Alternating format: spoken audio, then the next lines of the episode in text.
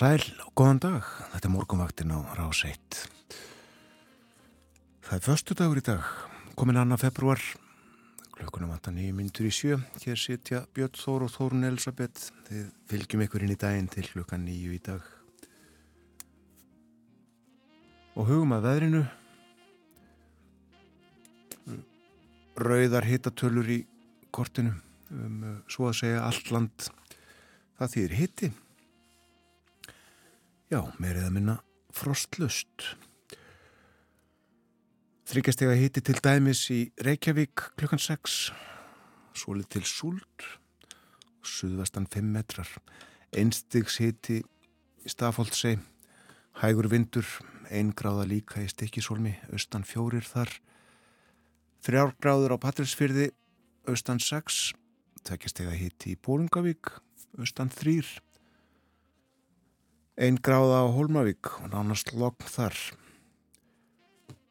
Einn gráða á Blöndósi og Stafalokn. Tækjastega hitti við Söðunarsvita, hitti við Frostmark á Akureyri, einstigs hitti á Húsavík lokn, tvær gráður á Rauvarhöfn, austan 6 þar, hittin við Frostmarkið bæði á Skeltingstöðum og á Eilstöðum, norðan 5 á Eilstöðum, lokn á Skeltingstöðum í Vopnafyrði. Einstegs hiti á höfni Hortnafyrði, þrjár gráður á Kvískerjum, fjórar á Kirkjubæðaklaustri og fimmstega hiti á Stórhauða í Vestmannegjum. Vestan 19 metrar þar, fór í 26 metra í mestu kviðu. Og tekjastega hiti í Árnesi, suðvestan 5 metrar þar. Og uh, sumstaðar hiti á Hálendinu, það er að segja, rauðar tölur, tekjastega hiti til dæmis í Veiðivatnarhraunni, þrjár gráður á Káranhjúkum, en hittin við frostmark á hverjaföllum og einstigsfrost á holtaverðu heiði. Já, nokkur lít svona miða við uh, síðustu daga þennan morgunin en það ávist að breytast. Já, segir einmitt í hugleðingum viðfræðings að uh, þetta séu skamvin klíendi sem voru í nótt og eru nú með morgunum eftir sögulega átt nætrunar með regningu og uh, það gengur í söðvestan 15 til 23 metra á sekundu með jæljum og kólnandi veðri í dag og verður kvassast söðvestan til á landinu. Það stýttir að mestu upp á norðaustanverðulandinu eftir hátegi og frostið í kvöld á bylunu 0 til 6 stig. Og morgun söðvestan 10 til 18 metrar á sekundu og jél en hægari vindur vestan og norðvestan til. Og norðvestan 10-15 metrar á sekundu á vestfjörðum síðdeis og morgun og frostið uh, svipað. En það hafa verið gefnar út viðvaranir vegna þessa veður sem að kemur síðar í dag. Uh, hríða viðvaranir taka gildi í kringum hátegi svo fyrsta raunar klukkan nýju og það er á breyðafyrði. Suðvestan 13 til 20 metrar á sekundu og dimjél kvassast á snæfellsnesi og það má búast við jælega gangi með skafræningi og takmörkuði eða lélegu skegni og versnandi aksturskilirðum.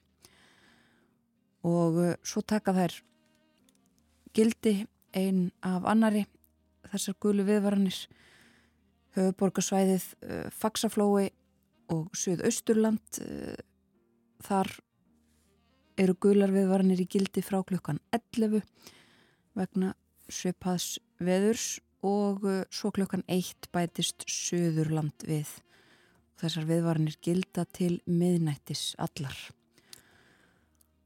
Leiðenda veður sem satt í kortunum aftur og uh, vegagerðin hefur uh, sagt það nú í morgunsárið að vegir um sunnan, suðvestan, vestan og norðanvertlandið verði settur á óvissustíg nú með mótninum og vegfærindu beðnir að kynna sér veðurspa áður en lagtir í ferðalag. Og þar kemur líka fram að Krísuvíkuvegur verður lokaður eh, vegna veðurs og almannavarnir hafa tilkynnt það að það verður ekki hægt að fara til Grindavíkur í dag eða á morgun.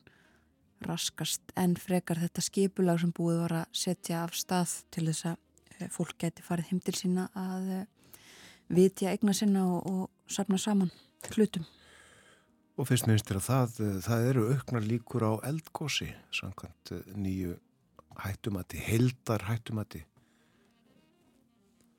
gefið út í gær fyrir um betur yfir þetta á eftir.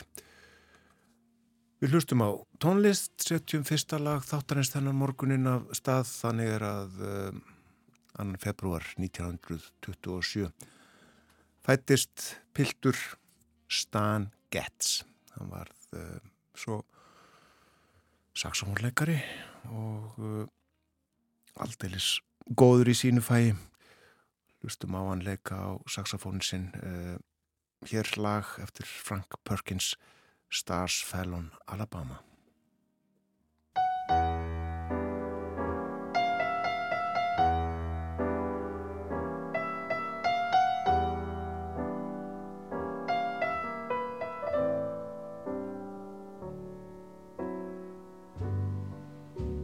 Alabama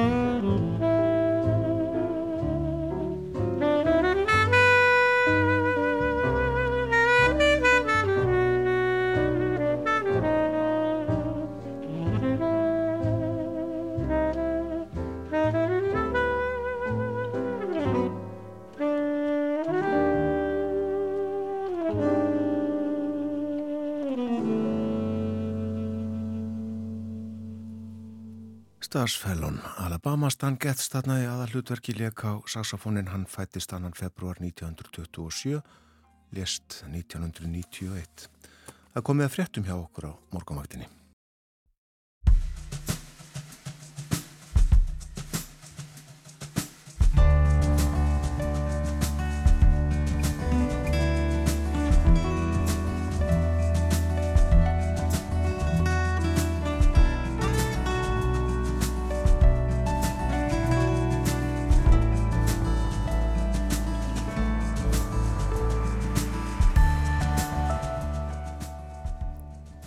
Góðan dag. Morgumvaktin hilsar förstu daginn annan februar. Um sjón með þættinum hafa Björn Þór Sigbjörnsson og Þórun Elisabeth Bóðardóttir. Og við höldum í dag áfram umfjöllunum fyrirhugaða eða mögulega saminningu háskólana á Akureyri og Bifröst. Á miðugudag rættu við málið við Ólínu Kjærúlf Þorvarðardóttur, deildafásetta á Bifröst.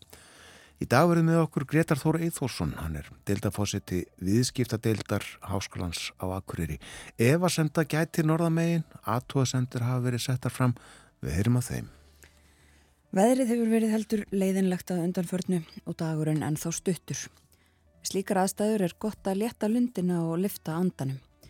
Líf og fjör er í menningarhúsum höfuborgarsvæðisins á vetrarháttíð sem hófst í gær.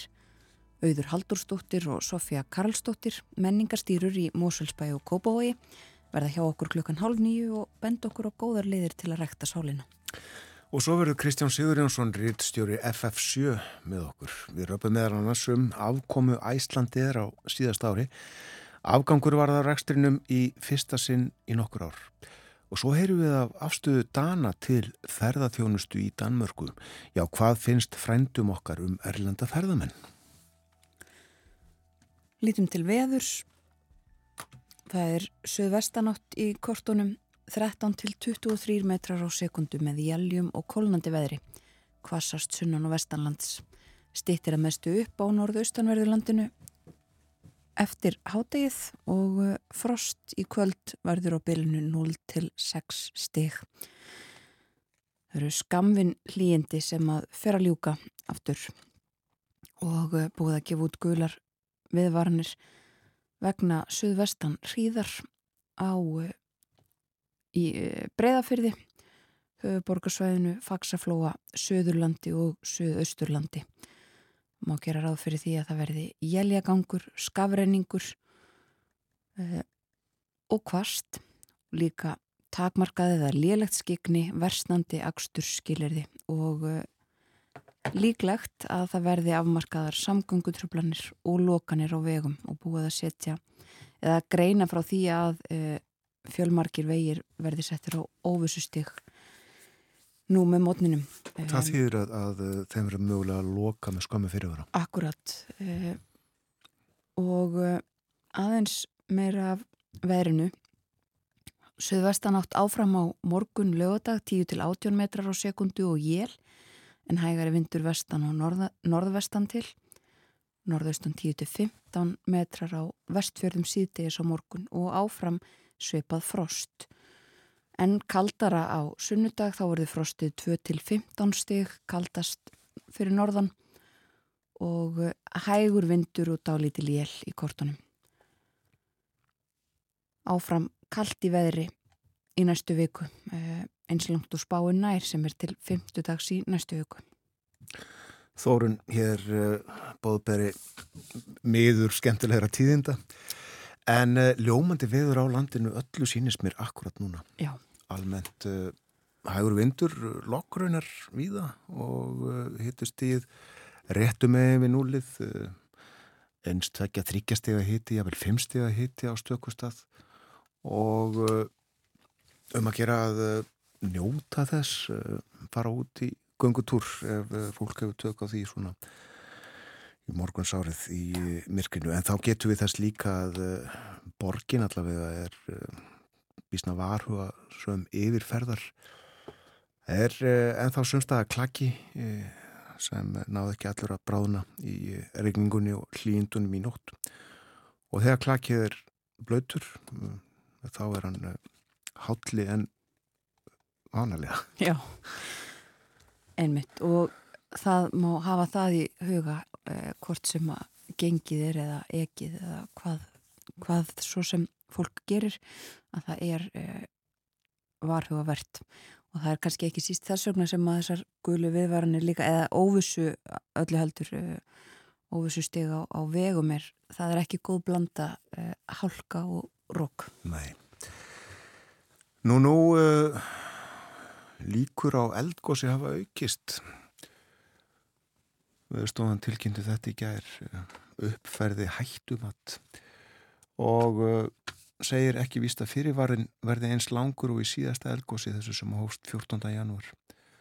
Þá varum 5 klukkustunda fyrirvari frá því að jarðskjálta hrina byrjaði þanga til að eldgós hófst rétt sunnan Hagafells. Eh, fyrir gósið milli Stóra Skófells og Sundnús 18. desember, eh, var um, hann var um 90 mínútur og eru þetta, þetta mat sem sagt byggt á líkunum sem aftur byggja á GPS-gögnum og þau voru rínd á fundi vísindafólks í gær og mjög líklegt að takja að gjósa á ný. Og það fyrir enginn til Grindavíkur í dag eða á morgun eh, vegna veðurs Veðrið heldur áfram að hafa áhrif á skipulæði sem að unnið hefur verið eftir til að leipa fólki heim til sín. Það er ekki óhætt að halda þessu fyrirkomulegi, segir í tilkynningu frá almannavörnum. En svo áður hefur komið fram þá er alltaf unnið út frá öryggi og velferð grindvikinga, segir hér. Skipulæði færist sem sagt þá aftur um tvo daga og Svo þetta er spurning hvað verður eftir þessa tótaga eða hver staðan verður þá. Það nefna líka að e, kemur pósturinn á VF Grindavíkubæir með tíðundum dagsins þar sem að þetta allt saman kemur fram. Þar kemur líka fram að kínverska sendir á því stendur fyrir stórum viðburði í hörpu á sunnudagskvöld til styrtar Grindavík. Allur ágóði af miðasölunni rennur til Grindavíkur og þar mun einn vinsælasti sviðslistahópur Kína Wu Opera Art Troupe uh, koma fram. Hópurinn hefur sínt fyrir 4,5 miljónir alþjóðleira áhorfenda í 51 landi og uh, verður sannsagt já í hörpu á sunnudagskvöld til styrtar grindvikingum. Fallet hjá kemurunum. Við lítum í blöðin hér eftir smá stund, uh, fyrst hlustu á eitt lag. En í þettinum í gær þá herðu við Erlu Þorstensdóttur og Haug Mortens syngja Þrek og Tár. Á Guðmundur Guðmundsson skólaskáld sem áorti kvæðið er lægið samtið hinn sænski Otto Lindblad. Og við höfum upp á sænskri útgáfulagsins Stína Britta Malander syngur. Hún var íslenskum list unnendum að góðu kunn á sínum tíma kom nokkur sinnum kannski oft til Íslands eh, söng í óperu uppferslum þjóðleikúsins en uh, lagið sem við hlustum á uh, var hljóðréttað öðru kóru með yfir 1940 og auk lagsins þá heyru við notalegt snarkið sem að fyldi tónlistinni úr hátullunum í þá daga.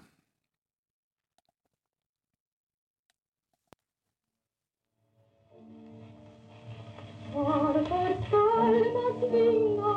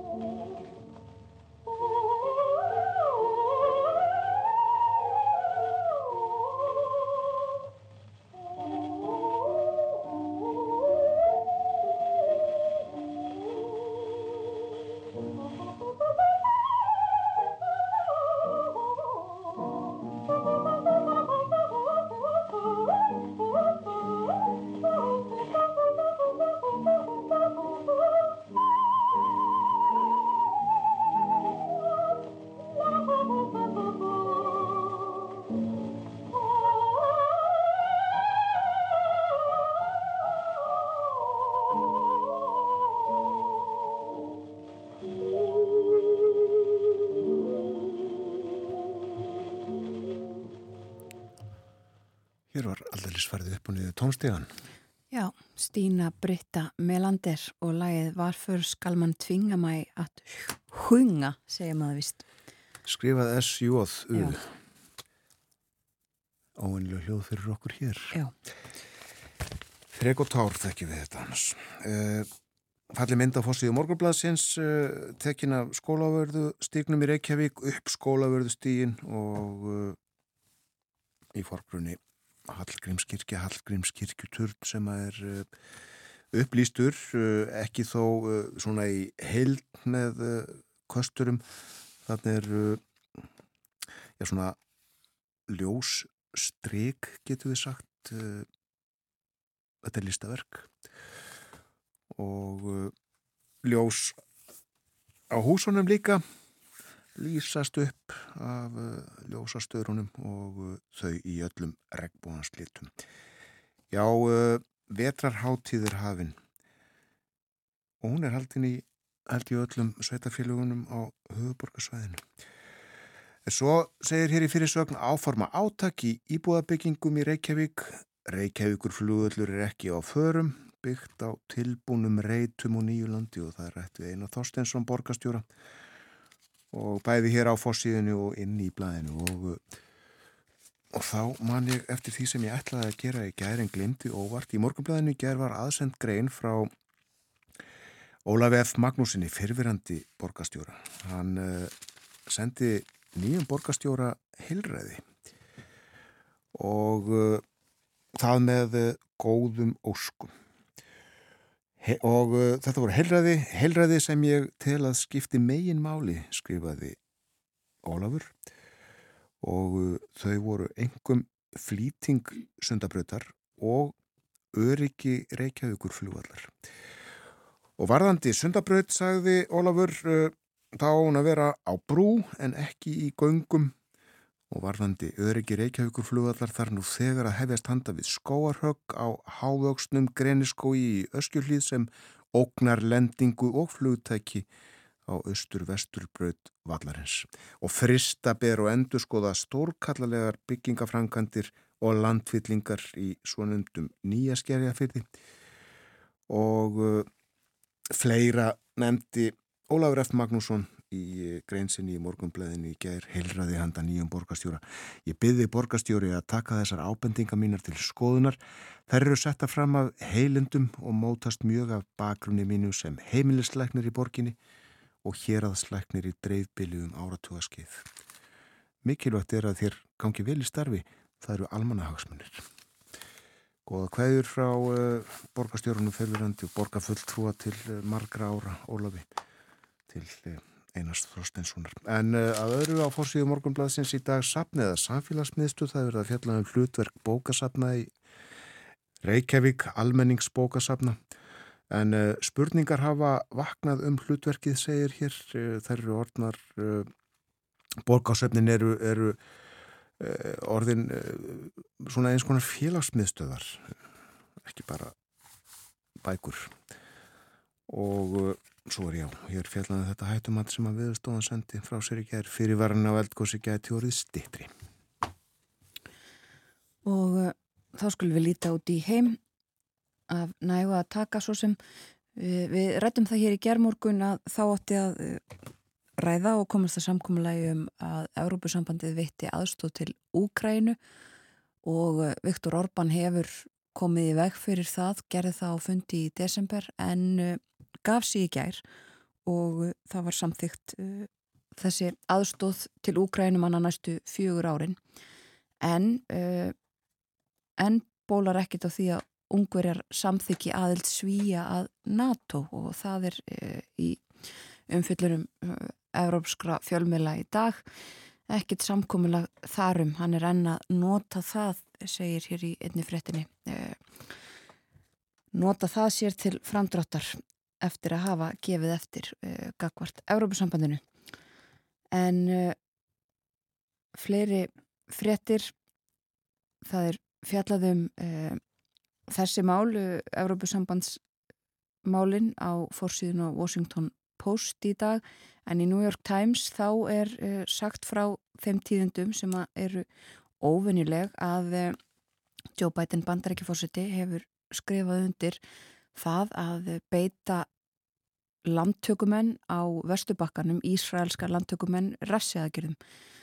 Það verða eh, sagt, eignir fristar og þetta fólk fær ekki að koma til bandaríkjana. Eh, þetta eru fjórir einstaklingar sem hafa eh, orðið uppvísir af of, að ofbeldi gagvart palestínumönnum á vestubakkanum og eh, þykir til margs um aukna gremju bandiríkja stjórnar í garð uh, Ísraels og ekki síst Benjamins Netanyahu fórsetisráð þeirra sem að uh, þykir ekki hafa tekist að uh, hafa heimil á þessum lengst til hægri, öfga hægri mönnum í ríkistjórn sinni. Og Joe Biden líka búin að samþykja aðgerðir sem á að fara í gagvart írönskum skotmörkum eftir uh, árás sem var þremur hermunum bandarískum að banna fyrir nokkrum dögum um, og uh, ekki tilkynnt uh, hvenær eða neitt svoleiðis en á næstu dögum og þetta verður á skotmörk ekki í Íran heldur Írak og Sýrlandi segir. Og Ísraelsk yfirvöld segjast ætla að færa sig um set, uh, fara til Rafa, landamæra borgarinnar á Gaza þrátt fyrir að þar sé yfir miljón óbreytra borgara. Og uh, fjallaðum þetta í, í Erlendum fjölmjölum í dag. Og uh, nefna aðeins fleiri frettir áframhalda. Verkföll í Finnlandi 13.000 manns komu saman þar á mótmælum og uh, hafa mikil áhrif á uh, daglegt líf þar og uh, í dönskum fjölmjölum er fjallaðum fjárvistir barna að verða byðila til foreldra að láta börnin mæti skólan. Það sé allt og mikið um fjárvistir og næstum því þriðjungur barna til dæmis á, í ákveðnum skóla í Östubrö er í burtu 20 daga. Allt og miklar fjárvistir uh, eh, sem að þarf að taka á. En uh, í Breitlandi er svo verið að leita að uh, manni sem að framti efnavopna árás riðist á konu og tvei börninar og myndir af honum á flestum forsjónum og hans er enn leitað enn sem sagt vitað hver hann er. Og líka fjallan um það að það hefur verið sagt frá því eh, brettar eh, geta vel hugsa sér að eh, viður kenna palestinsk ríki áður en að komist verður einhvers konar samkómulegi við Ísraela. David Cameron utanríkisráð þegar Breitlands sagði frá þessu. Brettar vilja tveggja ríkja laust. En segjum þetta gott af erlendum frettum í byli og hlustum á aðeins mér í tónlist. Já, og uh, hér syngja Egil Ólafsson og uh, Lissi Hernández, hún er frá Kúbu. Og uh, meðleika hljóðfæraleikarar frá Kúbu, Svíþjóð og Íslandi, lægið er eftir Egil Ólafsson. Kristinn R. Ólafsson gerði tekstan Tu Duende. Ég held að Duende þýði álfur hlustum.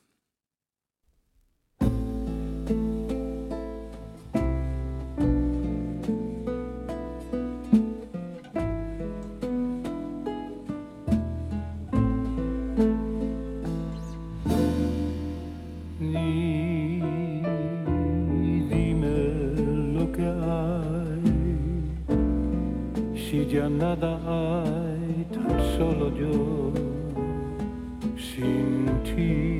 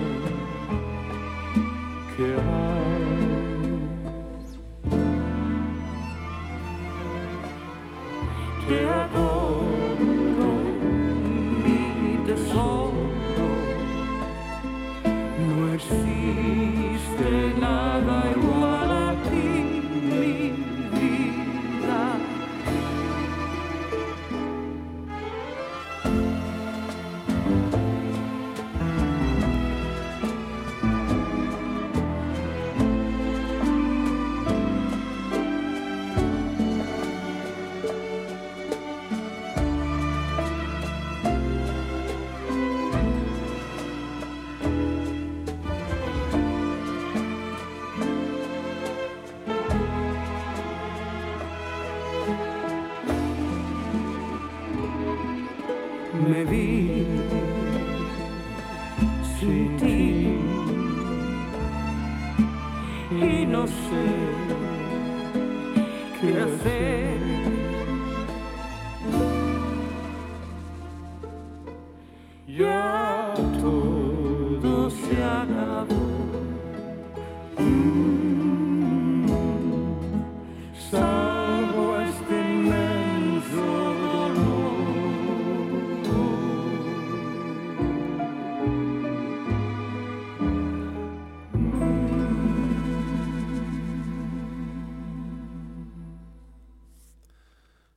Ólafsson og Lissi Hernandez. Þetta var hljóðritað í hljóðveri á laugabakka í miðfyrði.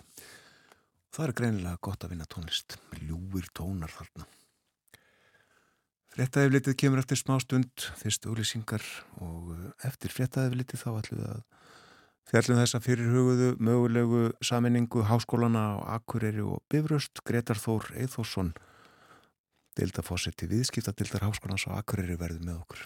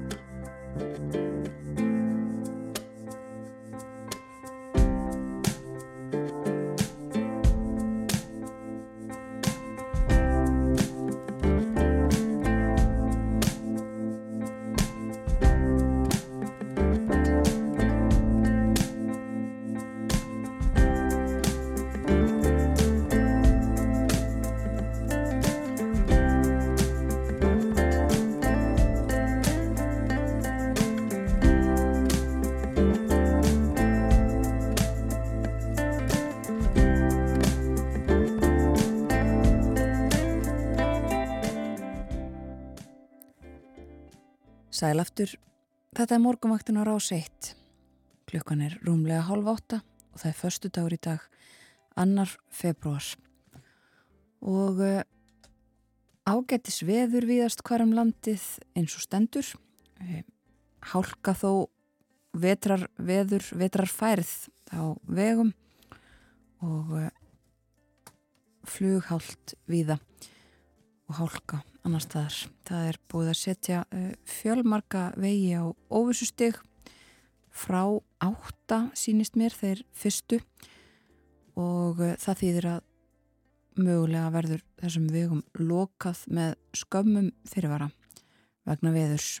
Það eru gular viðvaranir sem að taka gildi með mótnunum og framöndir hátegi svo fyrsta á breyðafyrði klukkan nýju og uh, svo fylgja höfuborgarsvæðið Faxaflói, Suðurland og Suðausturland. Það er útlitt fyrir hríð, suðvestan 13 til 20 metra á sekundu og dimm jél. Jél ég gangur með skafrenningi og takmörkuð eða lélugu skegni og það kólnar verður svo áfram kallt næstu daga en eh, ekki jafn mikið kvassviðri sínist okkur í kortunum. Allavega ekki eins og staðan er núna. En uh, við minnum á það að í síðasta hlutu þáttarins þá ætlum við að tala eins um það hvernig er hægt að lifta andanum, leta lundina í skamdeginu og uh, janúar mánuður var bara reynlega þungur fyrir marga. Og uh, vetrarháttíð háttíð ljós og myrkurs stendur nú yfir á höfuborgarsvæðinu öllu. Auður Haldursdóttir og Sofía Karlsdóttir koma til okkar. Þær eru í fórsvari fyrir menningamál í Mósalsbæ og Kópavogi. Við förum yfir háttíðina og, og fleira með þeim. Og áður en að því kemur verðum með okkur Kristján Sigur Jónsson í Stokkólmi, rittstjóri FF7 það eru ferðamálinn sem er á dagskráni eftir frettinnar klokkan 8 Það er stemt að og raunar unnið að saminningu Háskólans á Akureyri og Háskólans á Bifröst. Viðræður standa yfir eftir samþýttir Háskólaráðs Háskólans á Akureyri og stjórnar Háskólans á Bifröst þarum. Fyrirleikur físileika greining eins og það er kallað mat á kostum og göllum og svo framvegis.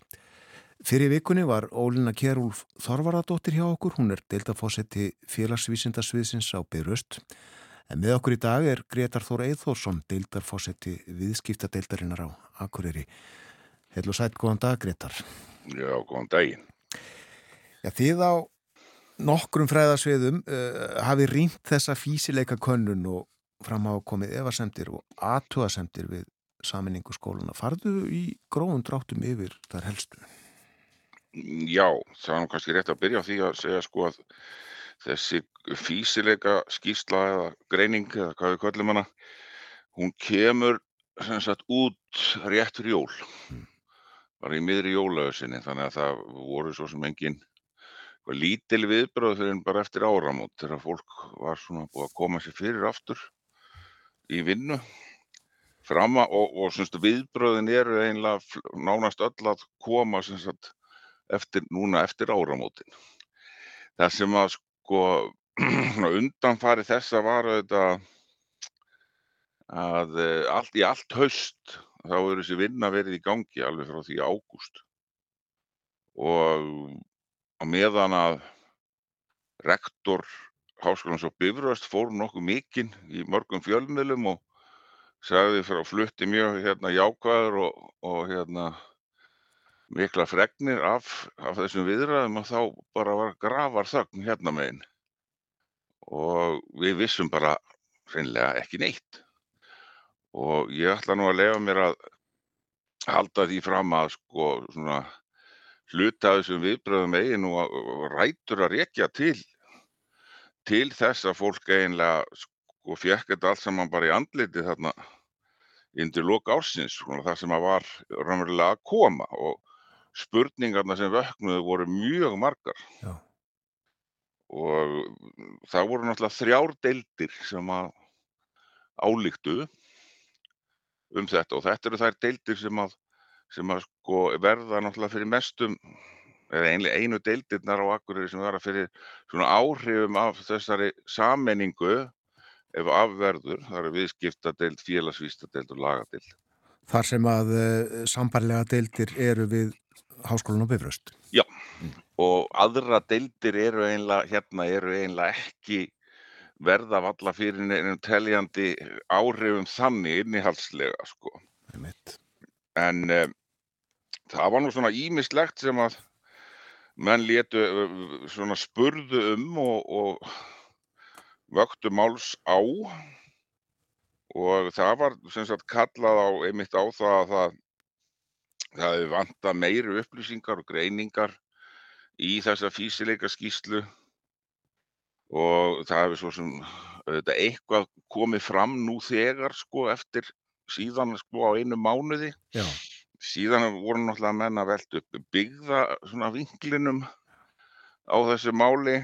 Sko það sem að gerist auðvitað með svona saminningu er það, það er hægt að sjá það að, að, að svona þunga miðjan í starfinu og mi- miða við sko mannskapin að þá myndi hún óneitanlega færast nánast í Reykjavíkur því að það er, það er þekkt staðrend að stóðþjónust á rektorskrifstofa bifrastar er fyrst og fremst í borgarnesi meðan að allir akademíski starfsmenn eru staðsettir í borgartúnin í Reykjavík. en eru fleiri starfsmenn eh, við þessar tilteknu deildir hjá Bifröst heldur en á Akureyri? E, það held ég ekki, kannski ekki fleiri. Ég hef nú ekki þessar tölur sko, en, en sko nú er ég einnig bara svona að spegla sko hva, hvað hefur komið frá fólki hér. Og, og, eh, og einmitt þetta, menn hafa líst svona áhyggjum einmitt svona á, á þessu, eh, af, af, af þessu að, að þetta gæti orðið einhvers konar tók til, til Reykjavíkur í þessa ljósi. Það er auðvitað, það er auðvitað ekki allir sammála því. Svona, við höfum nú heyrt alveg svona rök úr, úr hinni áttinni. En hins vegar þá náttúrulega má segja sko að því að við höfum nú heyrt líka talað um að þetta sé stór byggðaðgerð og, og það er svona kannski hljó, rýmar ekki alveg við þetta sem ég hef verið að segja. Sjáu það ekki? Nei, og hins vegar ef við horfum á sko fjarnámið og nefendahópana þá, er, þá erum við náttúrulega e, hér á Akureyri með nefendur ringin í kringum landið fjarnema og höfum verið lengi. Þannig að það er í sjálfu sér ekki neitt uh, nýtt sem, uh, þar sem að bifröst er að koma með inn í, inn í, inn í þennan pakka sko, ef að svo færi. En, en við varum svona nokkuð þá frekar svona jafnfætis með hvað það varðar. Þannig að ég, ég veit ekki alveg með þessi byggðáhrif sko. Við höfum verið að spurja okkur af því hérna fyrir norðan. Já. Hmm. En eh, af því að nefni þetta er uh, sko áformað að saminuðu skóla verði stýrt já, frá Reykjavík eða, eða eh, úr, úr uh, borgarfyrinum? Nei, sko það er talað um að höfustöðar verði hérna fyrir norðan og, og hann verði sá á sömu kennitölu. Aha, Það sem hins vegar hefur farið mjög svona, hvað á ég að segja, já ég get næstu því sagt illa hún í marga hér er það að það er ekki, það er alls ekki loka fyrir það að skólinn fái nýtt nafn. Og það eru margir sem að hér sem að halda mjög fast við það að háskólinn á Akureyri sé sko brand eða, eða vörumerki sem að sko megi ekki glatast. Einmitt. En hvað með uh, akademiska starf? Uh, það er nú stemt að því, það er ekki að ebla það. Jú, jú, sko, það er náttúrulega mun, mun fjölga nefendum í þessum þremur deildum og maður má segja kannski að sko þegar við horfum á viðskiptadeildina þá, þá sé viðskiptadeildirnar að þá séum við að fást kannski við mjög svipaða hluti þannig að við erum að tala kannski um fyrst og fremst bara fjölgun nefenda og mögulega svona einhverja, einhverja breikkun á námsframbúði Eh, hins vegar þá, þá er kannski breykkunin meiri í félagsvístadeildinni þannig að hana, þau, þau, er ekki alveg í, í, alveg í sömu hlutunum þar á báðum stöðum. Þannig að þetta er ekki alveg þetta horfir ekki alveg eins við öllum sko. En uh, þær hafa verið, uh, já, bísna ítalegar þessar aðtjóðasendir sem hafa komið fram álíktanir uh, og uh, einhverju hefur verið svarað. Það var nefnilega uh, svolítið gegnum gangandi uh, talað um að, að sumi hluti var ekki nóg skýrir, ímislegt óljóst og, ímsu ósvarað. En hefur eitthvað komið fram sem að hefur svona slegið á áhyggjur ykkar? Ég get nú bara að tala út frá minni deild það, var, það stendur í þessari skýslu að, að hérna að gert er ráð fyrir því að, að meistaranám það er fært yfir í, í einhverja sjálfsegnar einingu og haft með svona gjaldtöku eins og er á Bifröst núna. Og við erum sem sagt hér við okkar deild nýbyrjuð, byrjuðum bara síðast liðið haust með, með meistaranám og hefur gengið alveg gríðarlega vel og, og, og hérna var mikil eftirspurn eftir því og við teljum, töldum það og teljum enn að, að þessi hugmyndum að koma því yfir í, í gjaldtökunám e, sé einlega svona hálfgerð kjafsök á, á það. Já. Við erum hins vegar búin að fá þau svör frá rektor Háskólans á Akureyri núna eftir áramótin að það verði aldrei. Við munum halda okkar sagt, striki með það og e-, ekkert e, hérna, nám til gráðu sem er meirinn 60 einingar verði í, í, í gjaldtöku. Þannig að það er búið að segja okkur. Það er auðvitað uh, sá munur á skólanum að uh, Háskólinn á Akureyri er ríkiskóli en mm. byrjustu sjálfsegnastofnun. Já, já, og það er nú kannski einn ein svona vandkvæðin sem að menn hafa svona verið auðvitað að benda á og meðal, meðal annars lögfræðingar sem eru hér kennarar við skólan sem að þetta sé nú ekki alveg svona eins og að smetla fingri að, að bræða saman hérna ríkistofnun og, og hérna og, og já, enga eða sjálfsegnastofnun sem lítur ekki svum lögmálum. Það sé nú svona e eitt af því sem að kunni að, kunni að, að verða geta orðið erfitt, já. Já, já. En hvað finnst ykkur þá um það að, að háskólaráðið hjá ykkur hafið samtitt þetta og, og að viðræður séu í gangi, saminninga viðræður? Já, sko, það, ég held að, sko, ég allavega minnst að kosti, ég hef nú til neingu til þess að tólka svona hvernig mál hafa þróast núna kannski frá áramótum þannig og svona viðbröðin hér þó hafi verið nokkuð hörð að þá sé það kannski ekki endir heimsins þó að sko að sé haldið áfram í þessum viðræðum en, en, en sko yfirvöld háskólans og Akureyri eru búin að fá fara á mjög sterka bríningu um það að hérna, vanda vel til verka og, mm. í, í þessu ferli, hvernig sem það fer sko. og það eru svona held ég skilabóðin hérna innan hús sko viðbröðin svona eru kannski helgast svolítið að þessari þögn í allt höst sko og fólk var orðið pyrrað og fólk hefur líka eitthvað til síns máls í, í svona gaggrinni og, og varar við hinn og þessu og, og ég held að það sé bara veganesti sem að sem að yfirstjótt skólans hefur núna í framhaldinu. Já, En uh, finnst þér ekki líkleri en ekki að af þessu verði þetta er uh, mikið hjartasmál uh, hjá ráþurannu verist vera? Já, ég veit ekki hvað ég á að segja. Það er svona erfitt, erfitt. Það gæti alveg farið svo að þessi saminning yrði en hún, sko ef hún er á, á hérna, þeim nótum sem er ásættanleg fyrir báða aðila þá, þá er það, þarf ekkert að vera, þá þurfum við ekkert að vera of, of hrætt við það, sko. Einmitt. Þeir eru ekki að móti saminningu sem slíkri. Nei, sko, breytingar geta líka haft eitthvað gott í förmuð sér og, og hérna, en við skulum bara vona að, að það verði vel unnið úr þessu. Já, við vonum það. Eh, við ætlum svo sem ekki að spá um, um uh, lyktir málsins, en uh, Greta, segðu okkur eins uh, frá háskólanum á Akureyri starfsemi og, og umfangi? Hvað eru margi nefnendu við skólan í dag?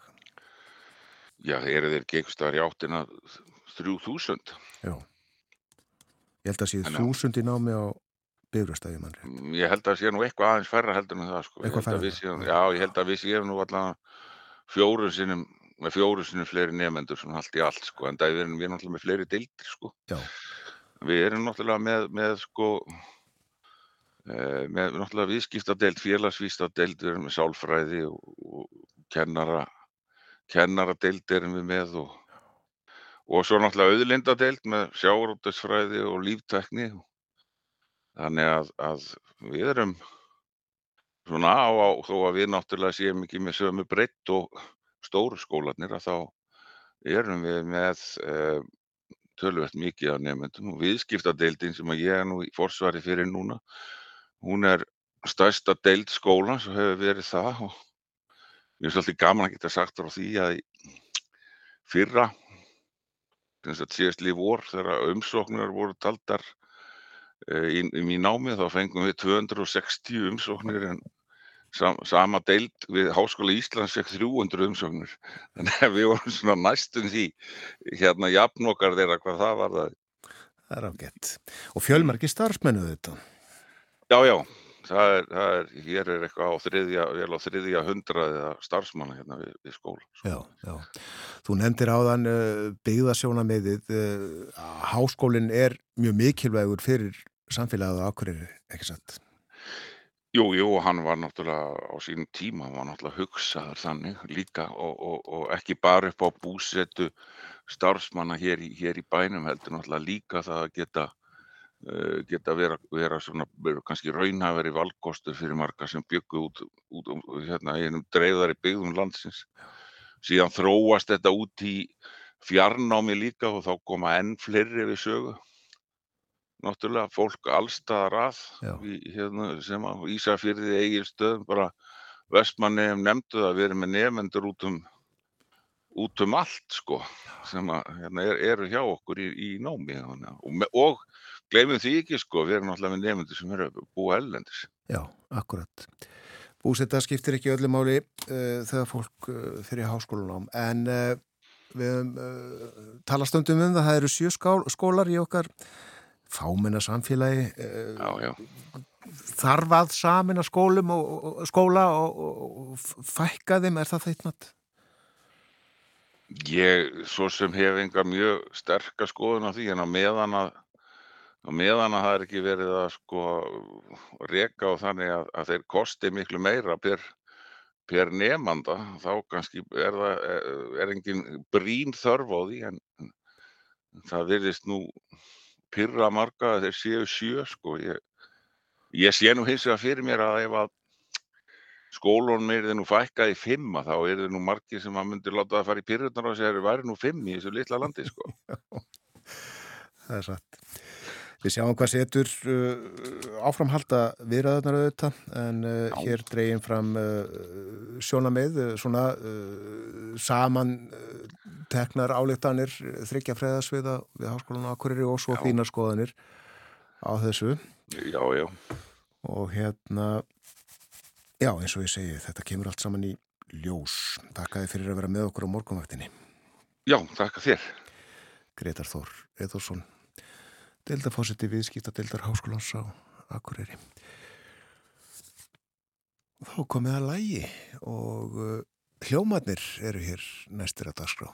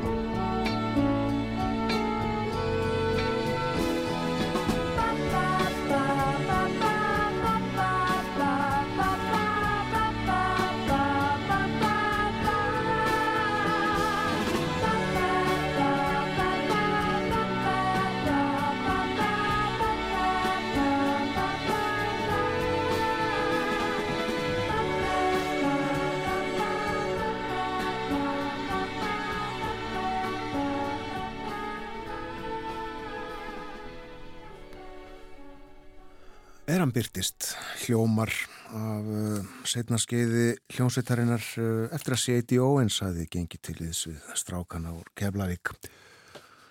Gunnar Þórðarsson sandilagi Þorstein Eggesson tekstan. Frettin að koma hjá okkur eftir uh, stuttastund eftir uh, fimm minútur eða svo fyrst auglisingar eftir frettir verður.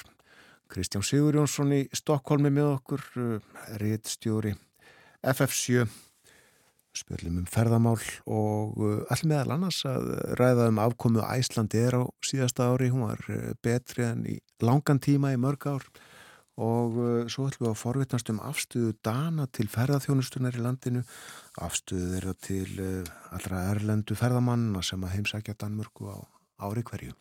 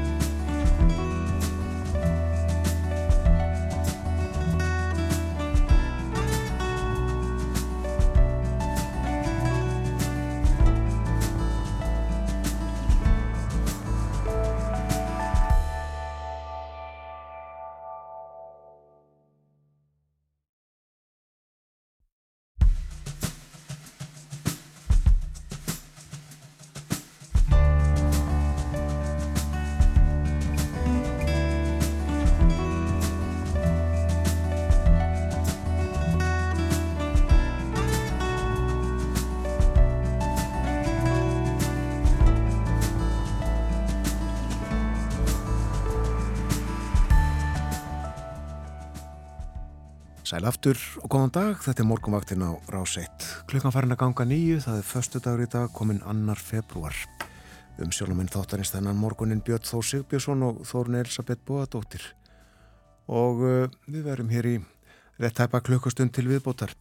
Það vona á uh, leðendaveðri, vondu veðri uh, á stórum hluta landsins og gular viðvaranir hafa verið gefnar út. Það er ná frá já, í gróðum dráttum frá Patrísfyrði og Suður og Östur að höfni Hortnafyrði verður kvast og hríð. Og getur verið að færið spillist í það minnst að skegni verði lítið sem ekki neitt. Og starfsmenn vegagerðarinnar á tánum auðvita og hafa gefið það út að vegum verður lokað fyrirvara lítið eða fyrirvara laust ef tilhefniða til fólk hafið þetta í huga og fylgist vel með. En uh, já, verður ekki ágættis veður svo á þeim, í þeim landslutum þar sem að ekki er gefin út gul viðurinn? Ekki bara sæmlega bjart til dæmis fyrir norðan? Jú, það stittir að mestu upp þar eftir háti og verður ekki eins kvast og á, á söður hluta landsins og svo verður skaplegra veður á morgun uh, og 10 til 18 metrar á sekundu en hægari vindur vestan og norðvestan til.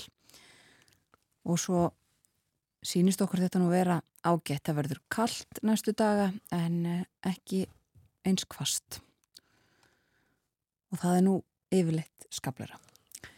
En uh, við ætlum næstu mínúturnar að ræða um ferðamál. Kristján Sigur Jónsson, reittstjóri FF7 er með okkur. Góðan dag Kristján. Góðan dag. Ég vil ætlum kannski að byrja á því sem við heyrðum í, í fréttatímanum hér áðan. Uh, gisti nótum fælkaði í desember með að við síðast liðið ár uh, og þetta eru, já, svolítil tíðandi. Jú, því á sama tíma fjölkaði ferðamónunum aðeins, uh, þannig að þetta, þetta, þessar tvær stærðir hafa ekki fylgst að sem því er svona er svona vísbendingum að þeir sem komu þeir stoppuði í stittri tíma en, en þeir sem voru í, á Íslandi í desember 2022 Já.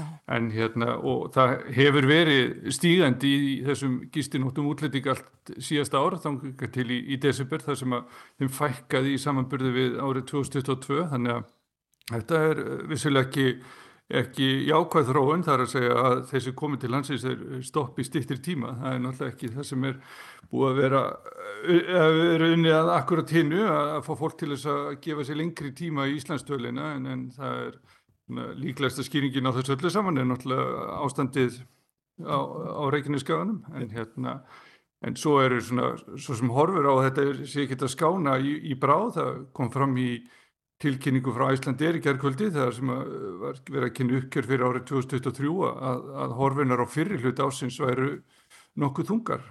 Akkurat, eh, meira um það hér rétt á eftir en eh, já, Jónis Stór Skúlason, talsmaður eða framkvæmdastjóri í samtaka fyrirtækja í ferðarþjónustu nefndi þetta áðan mitt uh, Grindavík, en þetta er uh, sko næstu 7% samtráttur, það er alltaf mikið. Já og, einmitt eins og á sama tíma já, og, og ferðarfólkinu er að fjölga en, en svo er, erum við að vinna með kannski svolítið göllu gögg sko því að hérna ef maður er að horfa skrifi fjölda ferðarmanna sem fóru frá keflaguflúilli þá eru, eru, eru við að telja en þá, þá útlendingar sem búa á Íslandin eru með erlend viðabref og þeir eru taldið sem hérna sjálfur sér sem ferðarmenn þannig að viðmiðunin er svolítið skökk og, og hérna, þannig að það er ekki alveg nógu gott og svo er, svona, er líka spurningin um þessa óskráðu gistinguna, það er Airbnb-markaðurinn er stóra á Íslandi, þannig að þetta kannski gefur ekki alveg nógu skýra mynd af, af stöðu mála en, en ef þetta heldur áfram svona næstu mánu þá er, er þetta vissilega áhengju efni. Já, en uh, ákoma Æslandir gefur uh, skýra mynd af stöðu fyrirtækisins og uh, félagið skilaði afgangi á síðast ári fyrsta sinn í býstamörg árið ekki? Jó, mikið rétt, það var hagnaður, já fyrir skatt var 1,1 miljardur en, en svo þegar það var búið að reikna með skatta innegt þá hækkaði upphæðin upp í 1,5 miljard og, og, og þetta er jú best afkoma félagsins síðan 2017 en, en þrátt fyrir hagnað sko þá var hann svona hlutalslega miklu minni en, en lagt var upp með. Eh, Rækstararhagnaðurinn var sko innan við 2% af tekjunum en, en markmiði var í byrjun síðast ás að hlutfalli er sko millir 4 og 5% þannig að og þessi munur sem er á þessum stærðum er talin í mörgum miljörðum króna þannig að þessi nýðustada fyrir síðast ári er, er vel litið ombrið fyrir stjórnendur og, og, og hluthafi í Æslandi er því að sko afkoman í fluggeranum er almennt mjög góð. Sjáum þá uppkjörum bandarísku flugfélagina sem eru að fljúa yfir til Evrópu þar hefur verið mjög góðu gangur og fórstjórafélaginu sérstaklega lagt áherslu á það að markaðurinn fyrir þessar ferði til Evrópu hafi verið mjög góður og það er mitt á þeim markaði sem Æslandir er að vinna mjög mikið og play líka. Þannig að þetta er ekki að skila sér í, í, í nógu vel í, í kassan hjá Æslandir því að eins og við nefndum á þann þá hafa náttúrulega aðstæður verið meiri, meira krefjandi á Íslandi í undir lok síðast ás vegna jarðhæring á Reykjanesi, þetta rýma Grindavík og loka Bláalóninu og það náttúrulega hefur slæm áhrif en, en það verður samt að muna að það var strax í lok síðustu sumavertjar sem bæði Play og Æslandi er lækkuðu sínar afkomu spár og, og, og gáfuð þá skýringu að verða ólíu hefði hækkað þetta mikið að það væri sérst útlitt fyrir vestnandi döðu og, og þetta voru ekki tilkynningar sem komu frá evróskum flugfélögum eh, á sama tíma því að þau fundu ekki eins mikið fyrir olíuverðshækkunum því þau voru búin að kaupa meira magna olíu fram í tíman en íslensku félagin ekki. Þannig að þetta er líka svona maður er svona svolítið hugsi yfir stöðu íslenskra flugfélaga svona í, í kjölfari á þessu uppkjöri sko, hversu Arbært það er í raun og veru að rekka flugfélag á Íslandi því að við munum það til dæmis að árein 2018 og 2019 voru mjög góð í fluggeranum í bandaríkjónum og í Evrópu en alls ekki á Íslandi því að Íslandi er tapaði miklu fyrir árið 2018, play barðist í bökkum og fóðsögu á hausin í byrjun 2019 og Íslandi var ekki með tapið 2019 Þannig að þetta eru áhengjafni. Play fór ekki á hausin. Nei, fyrir keðu, vá er, vá er, skulum passa okkur, vá er fór á hausin. Já, já. En er, eru við að... Þetta var play ekki komið í loftið árið 2019, þannig að... Emitt, emitt. En uh, uh, þessi félög þau eru, er það ekki tölvert minni heldur en félögin sem við erum að vísa til þegar við erum að tala um góða ákomu? Jú, jú, og þá er, en, en það er alltaf hægt að nota þetta hlutfall, það er að segja hversu há hlutfalla af, af tekjónum eh, verður eftir, það er sem hagnaður og, og hlutfallið er mjög lágt hjá Íslandi er núna og, og, og verður neikvægt hjá, hjá play því það er búið að gefa það út að, að það fylg að verður ekki reykjum hagnaði, það var ekki reykjum hagnaði á síðast ári. En e, það er náttúrulega stór hluti að því að reyka arbært flugfélag, það er að vera með margar þótur og dreifa kostnaðinum á, á, á Já, hlutastlega fleiri starfsmenn og hérna, ja, færri starfsmenn réttar að sagt og við sjáum það til dæmis í máli fórstjóra Norvítsjan að hann talar um að það félag sem er með um 85 þóttur og það þurfi í sjálfur sér að ná upp í 100 þóttur til þess að, að reksturinn verði almeinlega arbær. Þannig að hérna, þá getur maður velt fyrir sig sko þessari smæði íslensku flugfélagana hvort að þau séu bara á í raun og of lítill. Einmitt. Og fórstjóri eh, Æslander eh, Bóinins Bóasson mun kynna þess afkomar það ekki á fundi í dag og, og uh, tala um framtíðina, spár áallanir.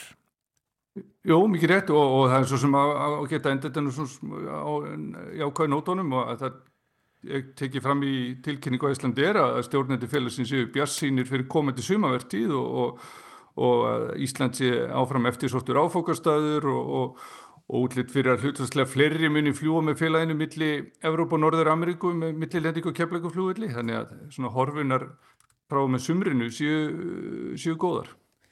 Akkurat, en Kristján uh, aðeins áfram að fluginu uh, þegar við líka tekið saman stöðuna þar uh, flugfargjöld þau lækkuðu óvinnilega mikið á milli desember og í janúar.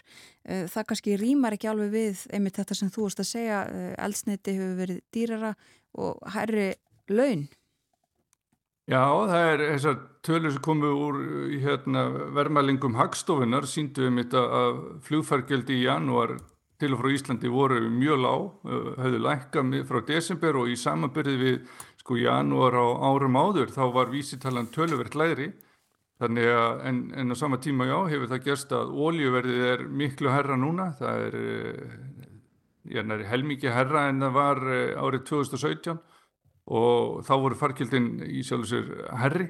Þannig að þetta er, ég kannski ekki allt og fögur mynd sem þarna blasir við þar að segja að, að kostnaður fljófélagana, eh, laun og ólíuinnkaup eru, já, hafa hækka verulega en á sama tíma eru eru fargjöldin á niðurleið. Þetta vilja allir geta flóið til og frá Íslandi fyrir sem minnsta fjö en, en, en það verður náttúrulega að vera þannig á endanum að, að flugfélagin séu reygin með einhverjum hagnaði bara, bara, bara svo þau geti endur nýja flugflótan sinn og þjálfa starfsfólk og haldið örginu í 100%. Já. Þannig að þetta er, ég kannski eins og staðan lítur út núna í januar, var, var hún ekki nóg góð. Nei.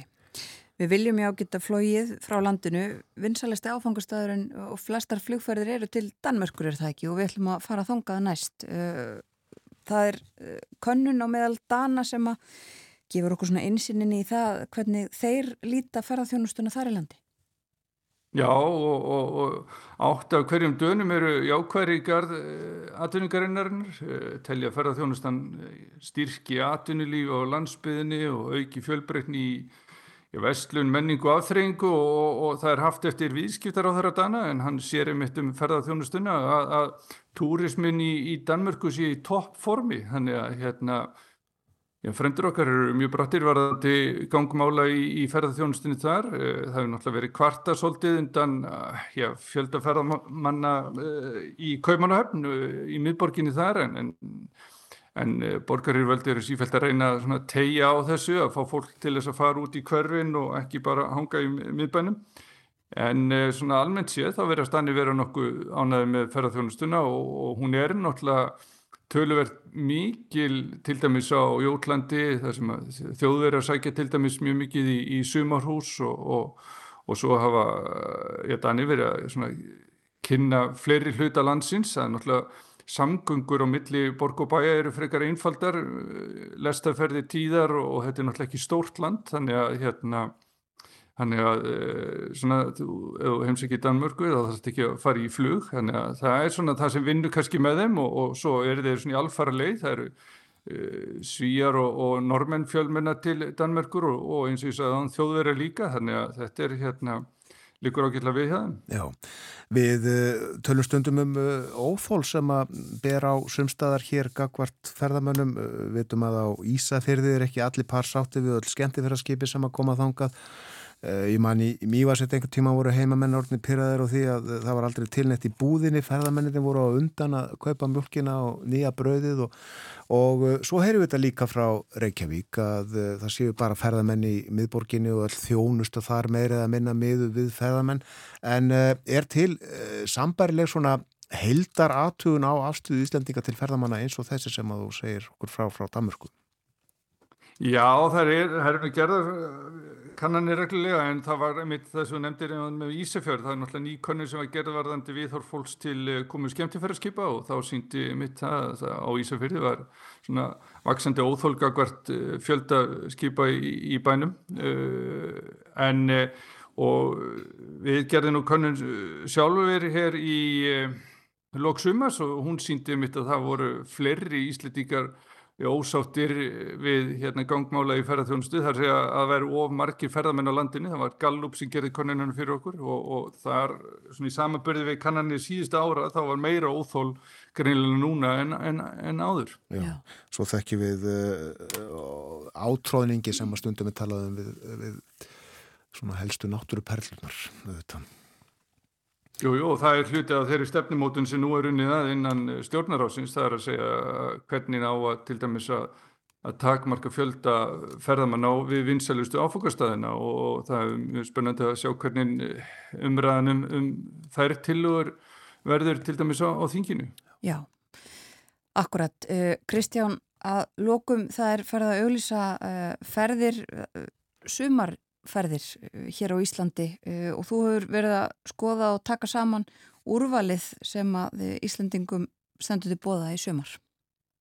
Já, það verður hægt að fljúa frá Keflavíkuflúvelli til ég næri 70 borga eh, núni í sömar og, og umferðin sko í ferðumtali verður meiri en metárið 2018 Uh, mér sýnist til dæmi stefna í það í júni að það verði að jafnaði flógi sko 29 sinum á dag til bandaríkjana frá Keflavík wow. þannig að þetta er alveg ótrúlegt magna af, af ferðum og, og, og ef ekki væri fyrir þessa ferðarþjónustu og þessi, hennan, eh, þessi miklu umsvið Æsland er á play þá væri náttúrulega ekki hægt að fljúa til Já, margar áfokastöða frá keflagurflúðli svo mikið víst í að heimamarkaðurinn er í sjálf þessu pingulítill innan 400.000 manns þannig að þetta er uh, mjög mikið frambóð með að við, með, með, með að við þannfjölda. Já, og hvað, það er eitthvað um nýjungar, nýja staði sem að, nýja áfokastöði?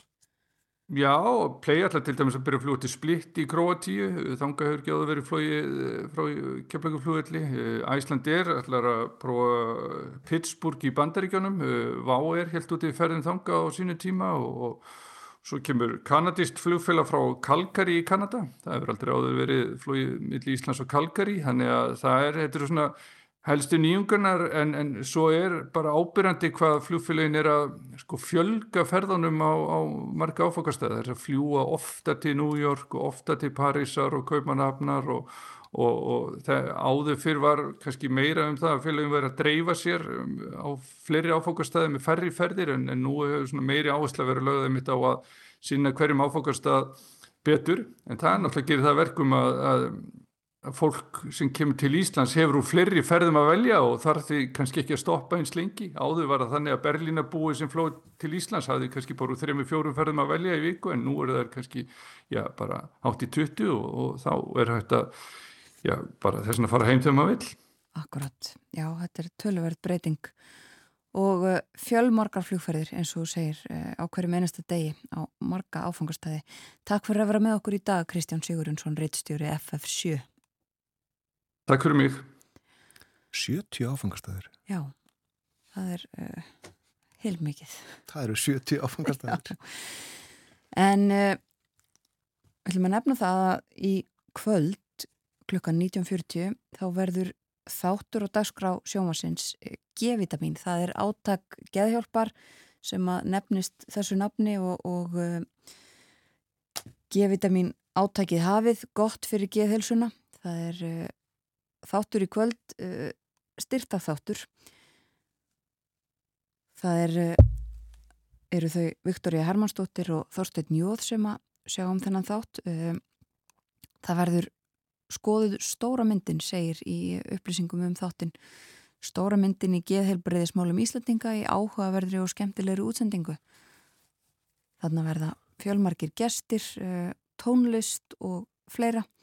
Og almenningur kvartur til að ljá málefninu lið með því að styrkja geðhjálp. Við þurfum öll að hugsa um geðhelsuna og eh, við ætlum um þetta að gera það aðeins hér á eftir. Það er að koma til okkar, er Auður Haldurstóttir og Sofía Karlstóttir. Er, eh, eru í forsvari fyrir menningamál í Mósulsbæ og í Kóbói.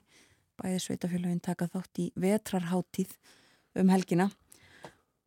Menning og listir geta gert sitt til þess að lifta geðinu og uh, kannski ekki vanþurfa á fyrir marga í slappinu og kuldanum og rigningunni og öllu þessu sem skiptist á svo ekki sér talað um skamtegið en uh, fyrst leipum við frettastofinni að fretta yfirleitið kemur eftir 6 uh, mínútur.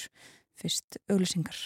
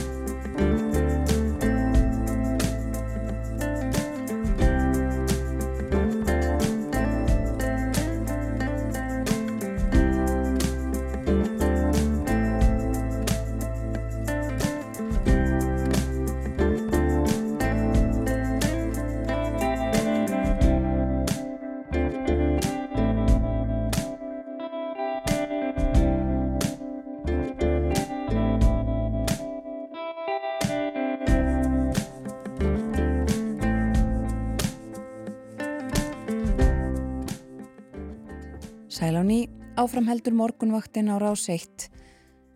Klukkan liðlega halv nýju og síðasti hluti þáttarins er framundan. Við allum eh, síðustu mínundurnar að ræða um uh, vetrarháttíð á höfuborgarsvæðinu uh, sem að stendur nú yfir en líka svo litið um geðhelsuna, hvað við getum gert til að leta lund og lifta andanum Nemdum það hér fyrir frétta yfirlitið að í kvöld fer fram söfnunarþáttur fyrir geðhjálp, G-vitamin, verður á dagskrá sjónvars klukkan 19.40.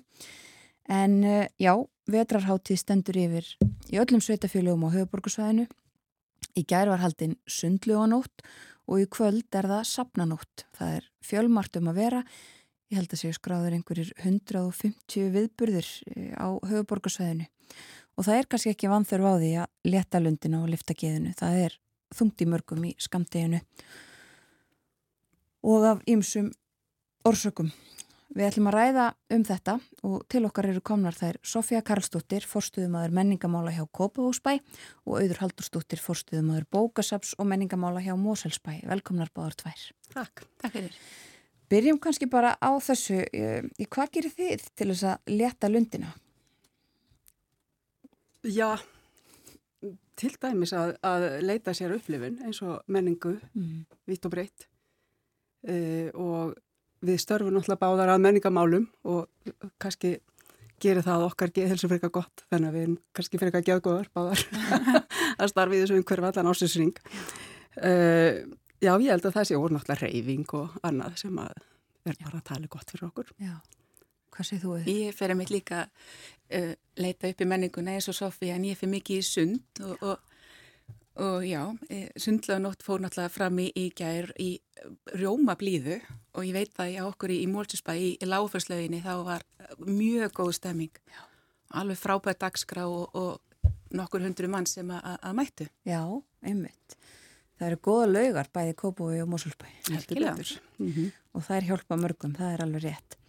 Uh, sko, menningin já, hún hjálpar okkur oft og um, það er safnunót. Það er ekki spáðið að góðu veðri í kvöld og, og var í gær en uh, það er aldrei að vita samt hvað verður og, og alveg hægt að fara á milli staða. Hvað hérna, er safnunót lengi í undirbúningi? Já, hún er alla jafna mjög lengi í undirbúningi og maður segja kannski að þetta sé svona í mörgum söfnum svona, svona hápunktur ársins. Já. Það er lengi verið að undirbúi þetta og við stefnum alltaf að í allan ársring og líka sko maður segja bara að mörgsöfn er bara að taka þessa fjárheimild sem þeir hafa til að gera eitthvað svona umframstarfið að setja þá í þessa dasgrá. Þannig að það er gríðarlega metnaður í öllum söfnum og svona þau vilja opna sig og sína nýja hlið á sér og bara svona sína almenningi að þetta eru staðir fyrir alla. Og fyrir nærsamfélagið er þetta ótrúlega sterkur og góður vettvangur. Og þetta bara svona mikil auðlind í hverju sveitafélagi maður segja Já. sem að hérna við viljum bara opna upp og gátt. Og það er akkur þegar svo talað um geðheilbrið, þetta er bara svo, er svo gaman að koma og gleyðjast, það er svo gaman að vera með fólki á þessum degi og á þessu kvöldi. Þannig að e, þetta er bara einstaklega skemmtilegur og góður siður. Ástímin er alveg hérna alveg ræða hann því þetta hefur, það er oft eins og við vitum allra vera að vona þessum ástíma en það hefur samt sem áður eh, myndi kannski segja líka núna ég, það hefur oft verið svona sapnastræt og að fara á milli sveitafélag, það er ekki núna. Þannig hugsaðlega er þetta má hugsa sér þetta sem svona meiri viðburði fyrir nærsamfélagið í hverju sveitafélagi, eins og segir, það eru sex sveitafélagi á höfborgarsvæðin sem er að taka þátt í þessu. Mm. og ég segi svona fyrir mig, maður sér kannski fyrir sér meira þegar veðri viðspánu líka svona, kannski verður það meiri kópásbúr sem samnir saman í Kópavogi Mosó, í íbúar þar, þó það sé náttúrulega eh, samgöngur náttúrulega gríðarlega góðar allar á milli. Já, einmitt uh, og sko Þetta er langur undirbúinistími, þetta er kannski eitthvað sem fólk er með á bakvið eirað allt árið umkring. Mm -hmm. um, er mikið samstarf á milli sveitafélagana um menningamál? Já, það er það. Heil mikið samtala okkar á milli. Uh, sérstaklega í COVID þá vorum við í mjög miklu, miklu sambandi, samstarfi.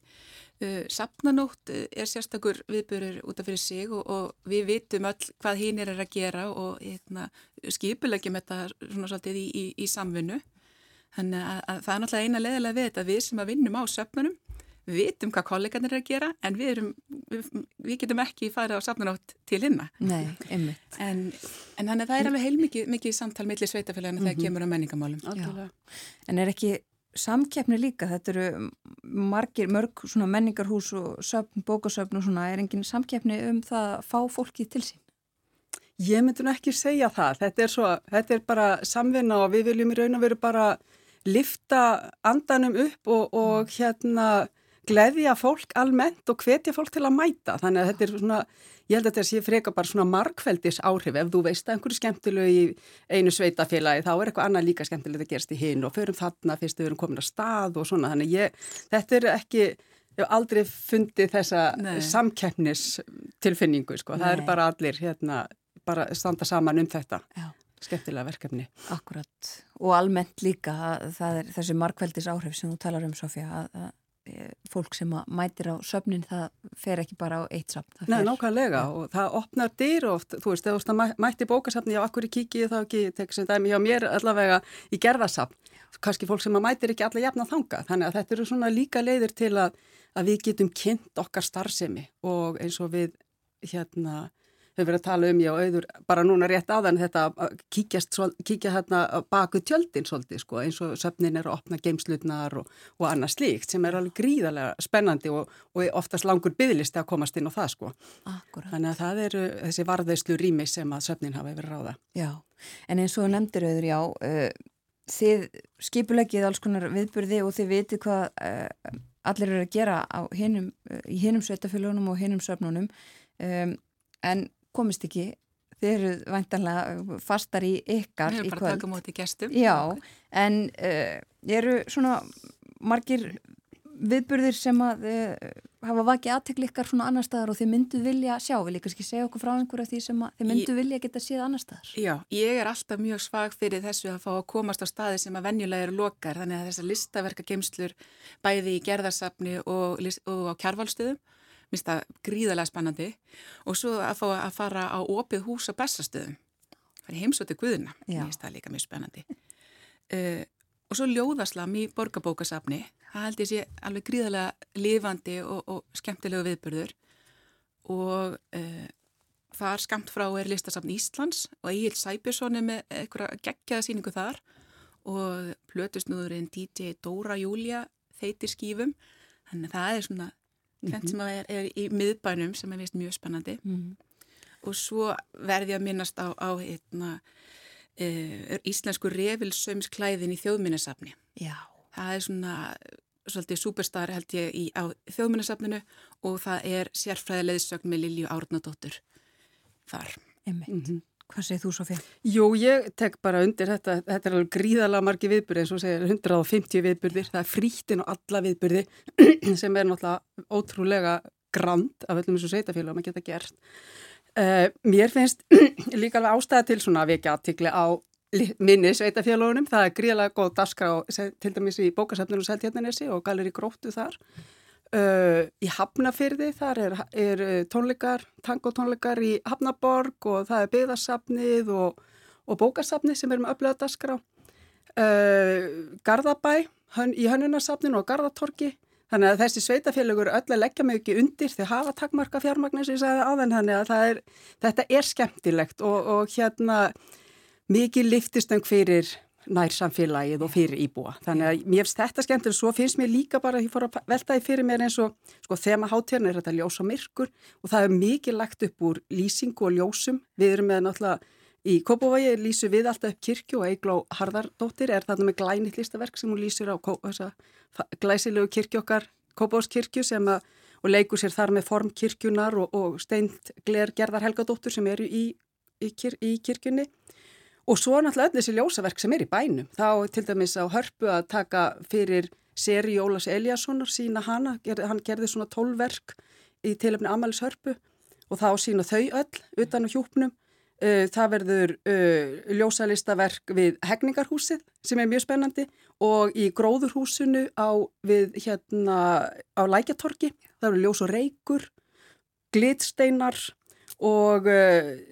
Svo mætti lengi tella, alltaf Hallgrímskirkja og, og, og svoleiðis, þannig að mér, þetta er svona mikil upplifun og mér finnst þetta svona þar sem kemur svona einu sinni líka virkilega spennand og fólk er ekki að missa af því Nei. í skamdeginu og lýsa upp og gleyðjast. Akkurat og það verður hægt að sjá þessi verk líka á morgun. Já, einmitt. Akkurat. En eh, svona í ykkar sveitafélögum og ykkar eh, menningar húsum og stöðum, hvað eh, er á dagskráni þar skemmtilegt?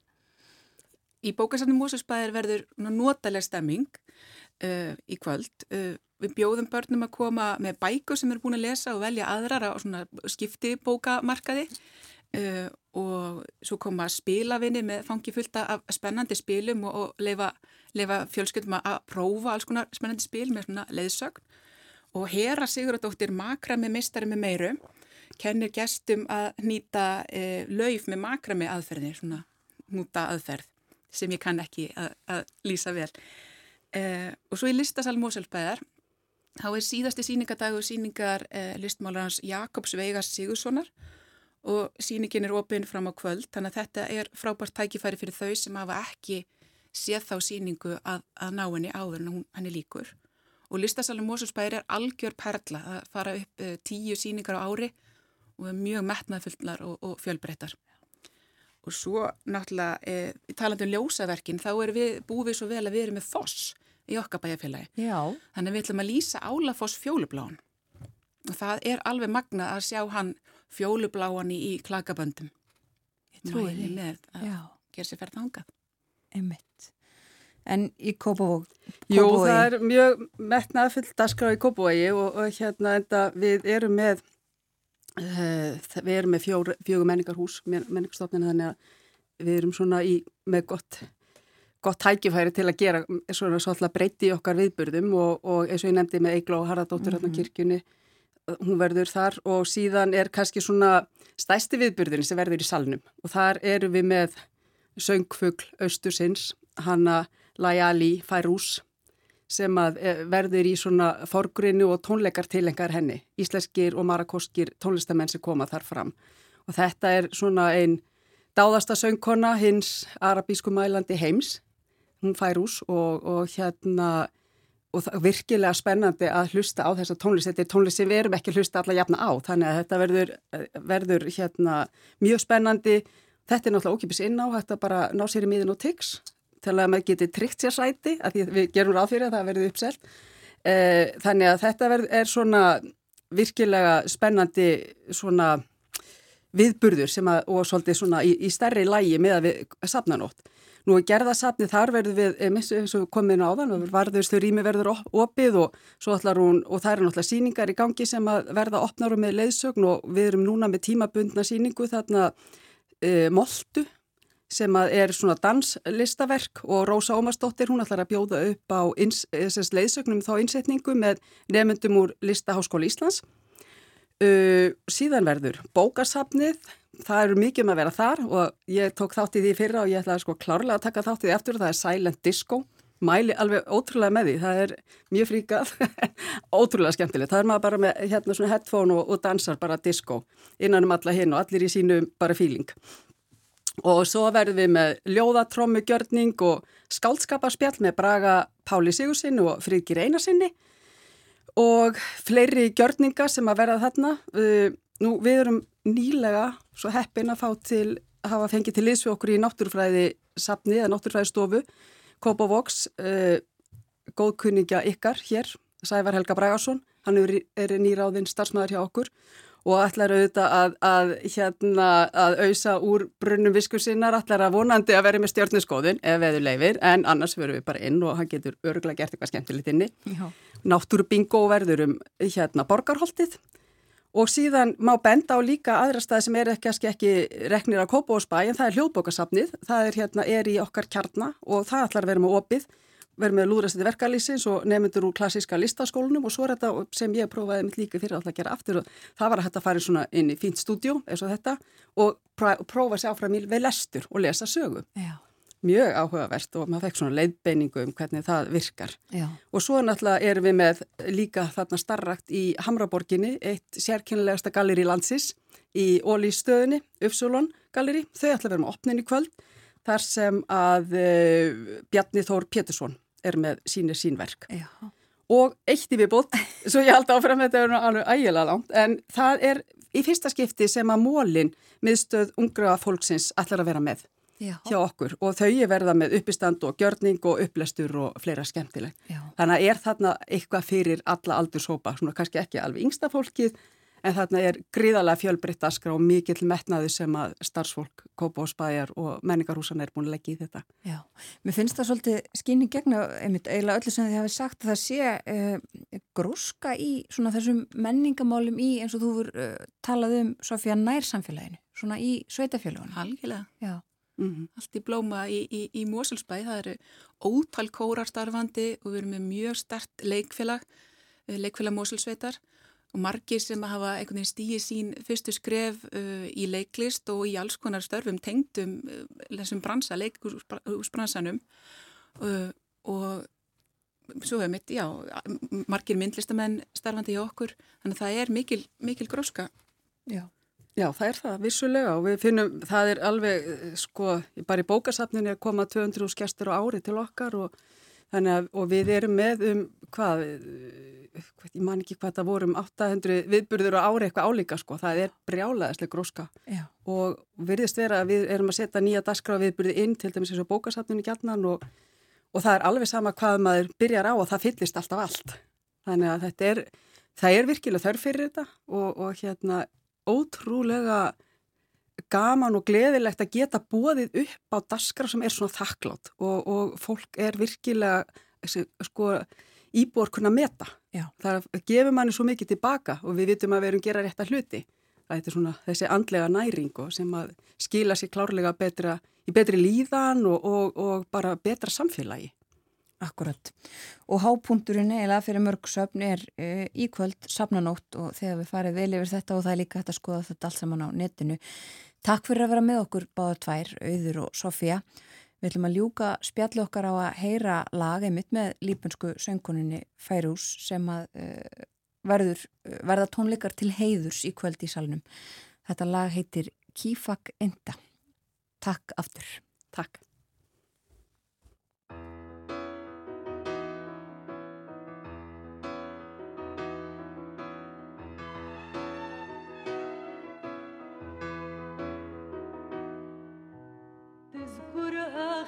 مرة شفتك سنتك